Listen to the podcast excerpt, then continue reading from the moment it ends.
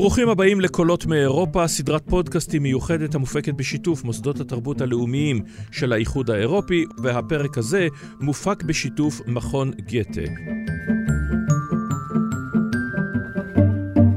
ואני רוצה לומר שלום לידידי, חברי, עיתונאי, פרשן חדשות חוץ מיתולוגי, דוד ויצטום. שלום לך, דודו. שלום, אורן. אז בפרק הזה אנחנו רוצים לשוחח על האיחוד האירופי והעולם הרחב. כלומר, המעצמות. קודם כל, בוא נתחיל בשאלה, האם ישנה מלחמת ציוויליזציות. בזמנו דיבר סמואל הנטינגטון על זה שהעולם בעצם נאבק מאבקים של ציוויליזציות זו בזו. החשובות לענייננו הן רוסיה, הקונפוציאניות, כלומר סין, האסלאם והמערב. המערב שכולל בעצם את אירופה, את האיחוד האירופי, ארצות הברית, פלוס עוד קצת, קנדה, אוסטרליה וכולי, אתה מקבל את התפיסה הזאת שישנו איזשהו מאבק גלובלי שהמערב, שהאיחוד האירופי בבסיסו, ניצב נגד הכוחות האחרים? אני חושב שאני מקבל יותר את התפיסה ש... מייצג למשל עמנואל סיוון, mm-hmm. שההתנגשויות הגדולות הן נמצאות בתוך הציוויליזציות ולא בין הציוויליזציות. כי אם אתה רואה מעמדות בינוניים במדינות uh, שיש להן דתות שונות, מהאסלאם, הנצרות והיהדות, אתה רואה הרבה יותר משותף בין המעמדות השונים, בין mm-hmm. הכלכלות השונות, לבין המדינות או הציוויליזציות, כפי שהנטינגטון קורא לזה. אם אנחנו מסתכלים היום על המצב באירופה, אז אתה רואה שיש כמה מדינות באיחוד האירופי, אבל גם מה שגילית או כינינו המערב הטרנס-אטלנטי, mm-hmm. כמו ארצות הברית למשל, ששם יש מאבק עצום בין שתי מדינות למעשה, יש אפילו איומים בפיצול ארצות הברית לשניים, תומכי טראמפ ומתנגדי טראמפ. המצב דומה למשל בשאלת הברקזיט, והוא גם שאלה תרבותית, שאלה של זהות. באנגליה, מאבק די דומה מתרחש בפולין, mm-hmm. ואפשר גם לראות מאבק דומה גם בארץ. כמובן. בין שני מחנות שהם לאו דווקא מחנות פוליטיים, אלא יותר מחנה של מזדהים לבין מחנה של גלובליסטים, ליברליים וכדומה. בכל זאת, יש לאיחוד האירופי, יש למערב, נקרא לזה ערכים משותפים. כמובן דמוקרטיה, חופש דיבור, חופש דת, הגנה על זכויות מיעוטים, נכון, הונגריה ופולין קצת חריגות, עד כמה האיחוד האירופי, נשים בצד את ארצות הברית כרגע, עד כמה הוא מוכן לבוא ולהתייצב מאחורי העקרונות האלה במובן של נניח הטלת סנקציות על גופים אחרים בעולם, במובן של ממש לבוא ולהתעמת על הערכים שלו ואפילו על הדברים הקריטיים לביטחונו ולרווחתו של האיחוד האירופי. אני קצת ספקן לגבי ערכים כאלה וגם אחרים. ואנחנו מסתכלים על ההיסטוריה mm-hmm. של האיחוד האירופי. ההיסטוריה של האיחוד האירופי היא ההיסטוריה של המלחמה, של המאבק בין שני הגושים אחרי מלחמת העולם השנייה, והניסיון בעצם להכיל את מערב גרמניה ולמנוע מגרמניה המאוחדת או משתי הגרמניות לחרחר מלחמות באירופה.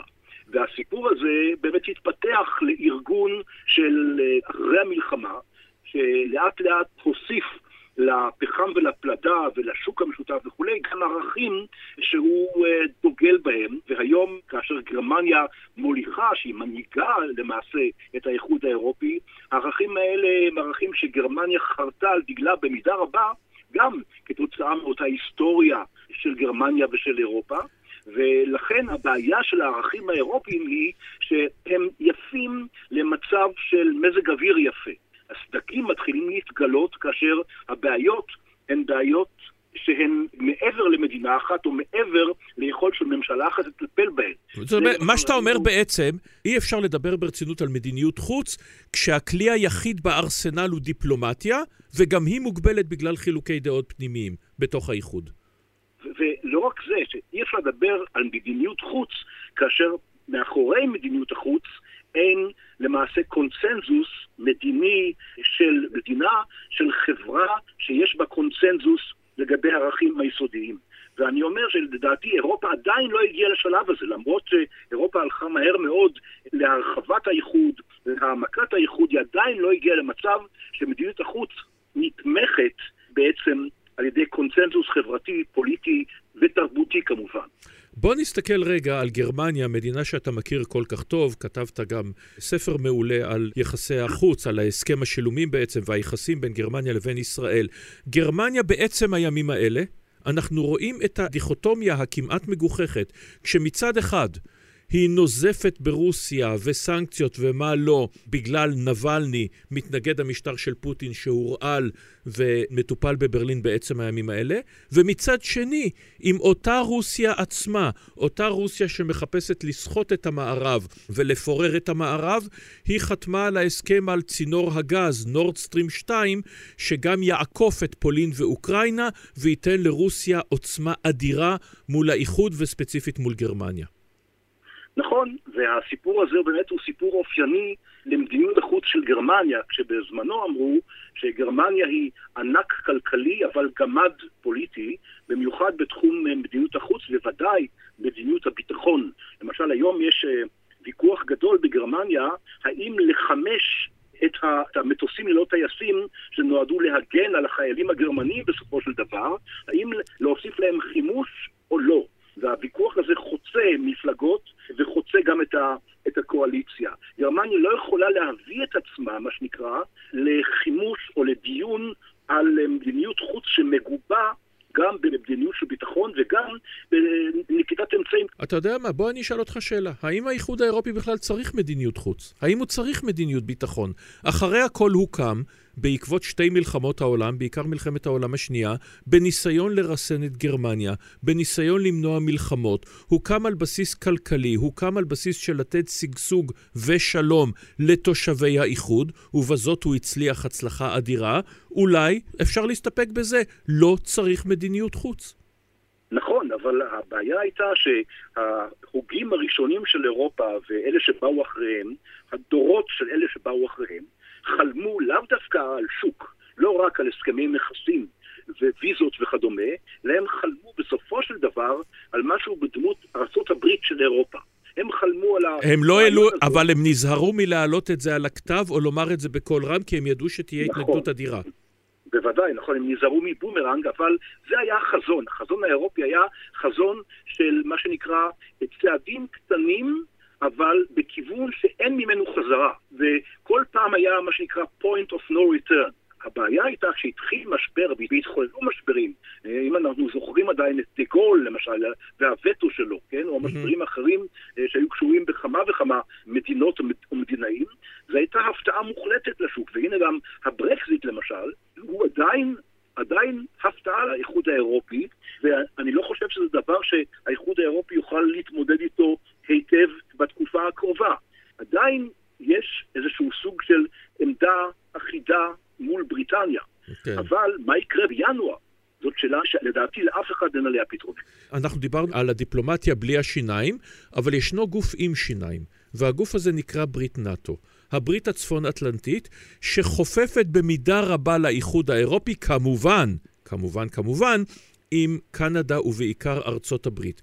כלומר, המטריה האמריקנית האדירה היא משהו שהאיחוד האירופי יכול לבוא ולומר, הנה, יש לנו כלי, אבל בעצם הם לא שולטים בברית נאט"ו, ארצות הברית שולטת בברית. נכון, הברית שולטת בברית, ואף אחד עוד לא יודע האם אחרי ארבע שנים של טראמפ, ביידן יחזור לעבר. אני חושב שלא תהיה חזרה אל העבר, משום שהמדיניות של טראמפ הייתה נוחה מבחינה מסוימת לאירופים, גם בנושא נאט"ו, משום שהם יכלו להפנות אצבע מאשימה אל האיש הזה, הבלתי צפוי, הגס, הפיל בחנות חרסינה. אבל אולי נשכחה קצת העובדה שטראמפ מייצג אינטרסים אמריקאים. שהאינטרס האמריקאי הוא לא... כפי שהוא רואה אותו, רגע. אולי זה לא האינטרס האמריקני, אבל זה האינטרס שנשיא ארצות הברית ראה אותו כאינטרס האמריקני, ומתוקף המשרה הוא כמובן הופך להיות האינטרס, לפחות לארבע שנים. השאלה הזאת נשאלה לגבי עתידו של נאט"ו כבר כשנפלו החומות ב-1989-90. אוקיי, החומות נפלו עכשיו, מי האויב? כלומר, נאט"ו היא ברית אסטרטגית, ברית צבאית, והשאלה היא מי האויב שנגדו למעשה צריך להתחמש, צריך אה, למצוא תקציבים, צריך לאשר פעולות מיוחדות וכדומה. השאלה היא באמת עם ברית נאט"ו, מה עוד שהיחסים הטרנס-אטלנטיים היום הם לא בשיאם, אולי ברית נאט"ו היא רעיון שהיה טוב בימי המלחמה הקרה, שאגב לא הייתה תמיד קרה, mm-hmm. אבל עכשיו צריך לחשוב על ברית צבאית מסוג חדש לגמרי, שמתאים יותר למשל להתקפות סייבר, לטרור אסלאמי וכדומה, או לבעיות אחרות במקומות מסוימים בעולם, כלומר, אזורים שאפשר לשלוח אליהם משלחות צבאיות מהירות, למשל כמו במאלי עכשיו, או בלוב, או במקומות אחרים. ונאט"ו היא באיזשהו מקום איזשהו סוג של דינוזאור שזמנו עבר. יכול להיות שזמנו עבר. ברית נאט"ו קמה מול ברית המועצות, אבל בשנים האחרונות רוסיה מהווה בוודאי איום בתחומים מסוימים על המערב, ורואים את סיפוח קרים ומתקפות הסייבר וכולי וכולי. עכשיו, הנרי קיסינג'ר שאל בזמנו בציניות, אם אני רוצה לדבר עם אירופה, לאן אני מתקשר? והתשובה גם אז, ובוודאי גם היום, אתה לא מתקשר לבריסל. אתה מתקשר לברלין, אתה מתקשר לפריז, אתה מתקשר לעוד שבוע ללונדון. אתה מתקשר למקומות האלה, אבל מכל אחד מהם אתה תשמע תשובה שונה. איך אפשר בקואליציה של 27 מדינות לייצר מדיניות אחידה גם כלפי פנים, אבל בוודאי כלפי חוץ, כשלכל אחד יש את האינטרסים שלו? האם זה כן, ניתן, אפילו תיאורטית זה ניתן לעשייה?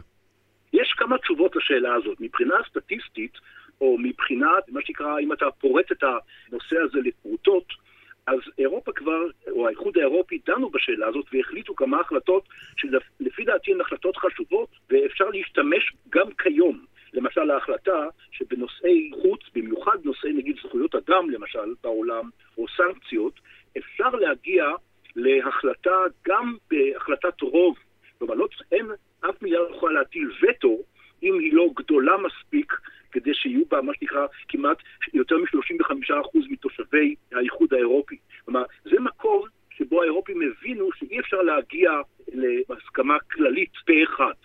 אז יש התחלה בנושא הזה, אבל העניין הוא בזה ש...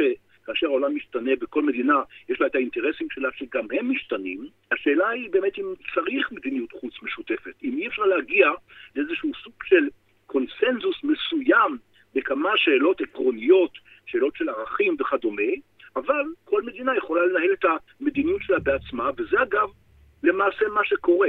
אנחנו רואים למשל את צרפת בנושא לבנון. אנחנו רואים את גרמניה, כמו שהזכרת בנושא של ישראל. לגרמניה תמיד הייתה מדיניות משלה בנושא מדינת ישראל, למרות שמדי פעם לעיתים היא הצטרפה להחלטות של האיחוד האירופי, אבל היא גם מנהלת מדיניות בילטרלית מאוד מסועפת עם ישראל.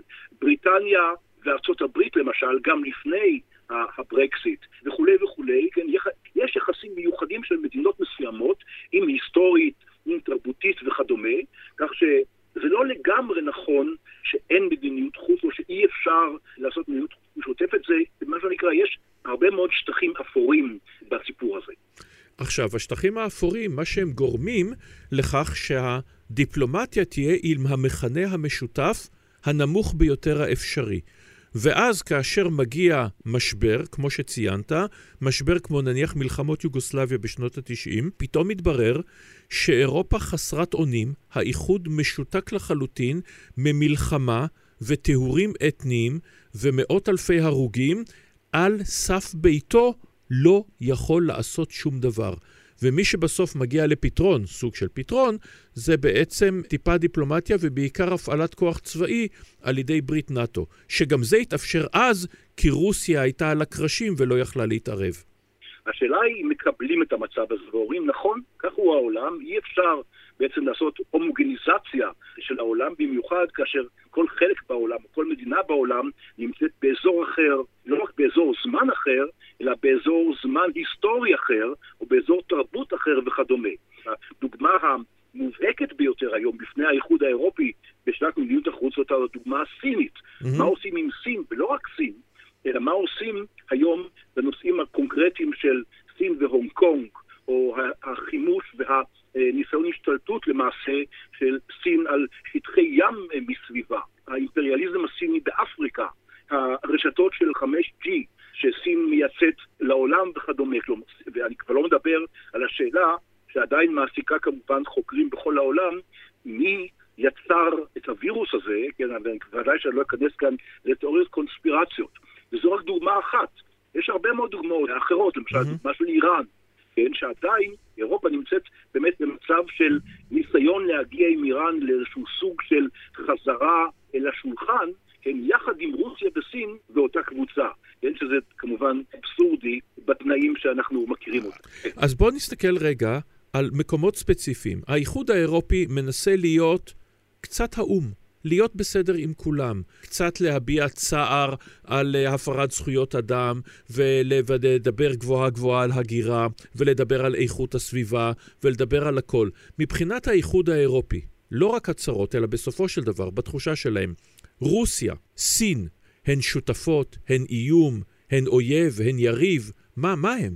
אין תשובה לשאלה הזאת. כמו שאמרתי, בנושא איראן למשל, אם אנחנו מדברים על הסכם הגרעין, mm-hmm. אז אירופה יושבת יחד עם רוסיה ועם סין, ומנסות לשכנע את איראן. אם מדובר על רוסיה, אז רוסיה היא גם וגם וגם וגם.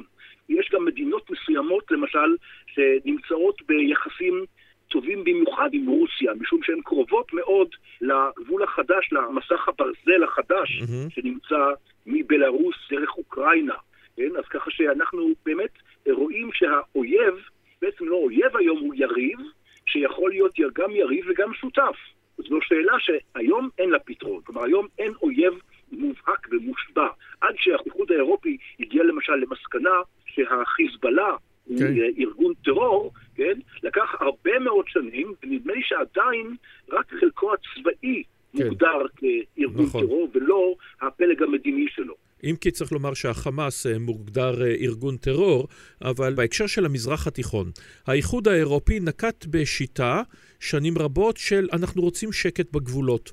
אז uh, זיין עבדין בן עלי, נשיא טוניסיה, אתם אומרים עליו שהוא רודן? לא, הוא בחור טוב, כי חברות אירופיות, בעיקר צרפתיות, עושות הון בטוניסיה, והוא נלחם באסלאם הקיצוני. אותו דבר מובארק במצרים, אותו דבר קדאפי בלוב, והגיע האביב הערבי, ובעקבות האביב הערבי, בדיוק לפני עשר שנים, אולי משתנה התפיסה שאנחנו רוצים אומנם שקט בגבולות, אבל אנחנו צריכים לפעול באופן אקטיבי שהמנהיגים יהיו טובים יותר, ומי בכלל שם את האירופים לבוא ולומר מי המנהיגים הטובים יותר או הטובים פחות במדינות, נניח העולם האסלאמי, אפריקה וכל השאר.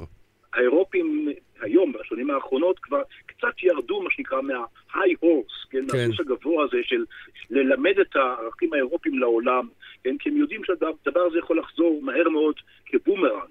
גם באירופה עצמה, כן, יש תופעות רבות בתוך אירופה, בתוך האיחוד האירופי, שהאירופים היו מעדיפים, מה שנקרא, לשכוח אותם או להשכיח אותם. אז ככה שנכון שירדו קצת מהסיפור הזה, אבל עדיין יש בעיות שלא באות לידי פתרון. אחת הבעיות, למשל, שוב חוזרים אליהן, היא הבעיה של טורקיה. Mm-hmm. כי טורקיה, מצד אחד, כן, היא כר נפלא לכלכלה האירופית שממשיכה להיעזר בטורקיה, נאט"ו ממשיכה להיעזר בטורקיה, ומצד שני, יש uh, למנהיג טורקיה שאיפות לגמרי לגמרי אחרות מאשר להצטרף כמו עוד אחת מהמדינות לאיחוד האירופי. אם הוא רוצה להצטרף לאיחוד האירופי בתור אימפריה במזרח התיכון. שאלה גדולה אם היא בכלל עדיין רוצה בזה, אבל זה כבר סיפור אחר. אני חושב שכן, משום שרק בשבוע האחרון ארדואן אותת במפורש כמה פעמים שהגיע הזמן לפתוח דף חדש, עידן חדש ביחסים בין אירופה לטורקיה, מה שלא מונע ממנו כמובן לשלוח את מתנגדיו לכלא בסיטונות.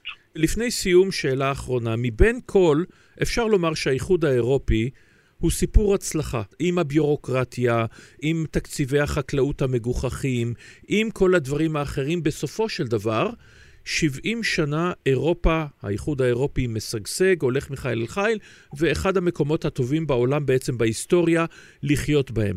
אפשר לומר אבל בשקט שמדיניות החוץ שלו זה אחד הכשלים הגדולים שלו. זה אחד הכשלים משום שהחלום האירופי שנות ה-50 המוקדמות או שנות ה-40 המאוחרות היה חלום של הנה הייתה המלחמה הגדולה הזאת, המשבר הנורא הזה העולמי, וזהו, יצאנו ממנו כן? ועכשיו אנחנו הולכים לכיוון הזריחה וכדומה. והיום אנחנו רואים שהמצב הוא אחר לחלוטין. היום אנחנו רואים שהקורונה בעצם סודקת את האיחוד האירופי בצורה שאף פעם הוא עוד לא נסדק. המשבר הזה שעובר על אירופה mm-hmm. היום, ממש בימים האחרונים, mm-hmm. בריטניה עם הרקזיט סגורה ונצורה, תעלת למאנש סגורה ונצורה, והקורונה מכה באירופה.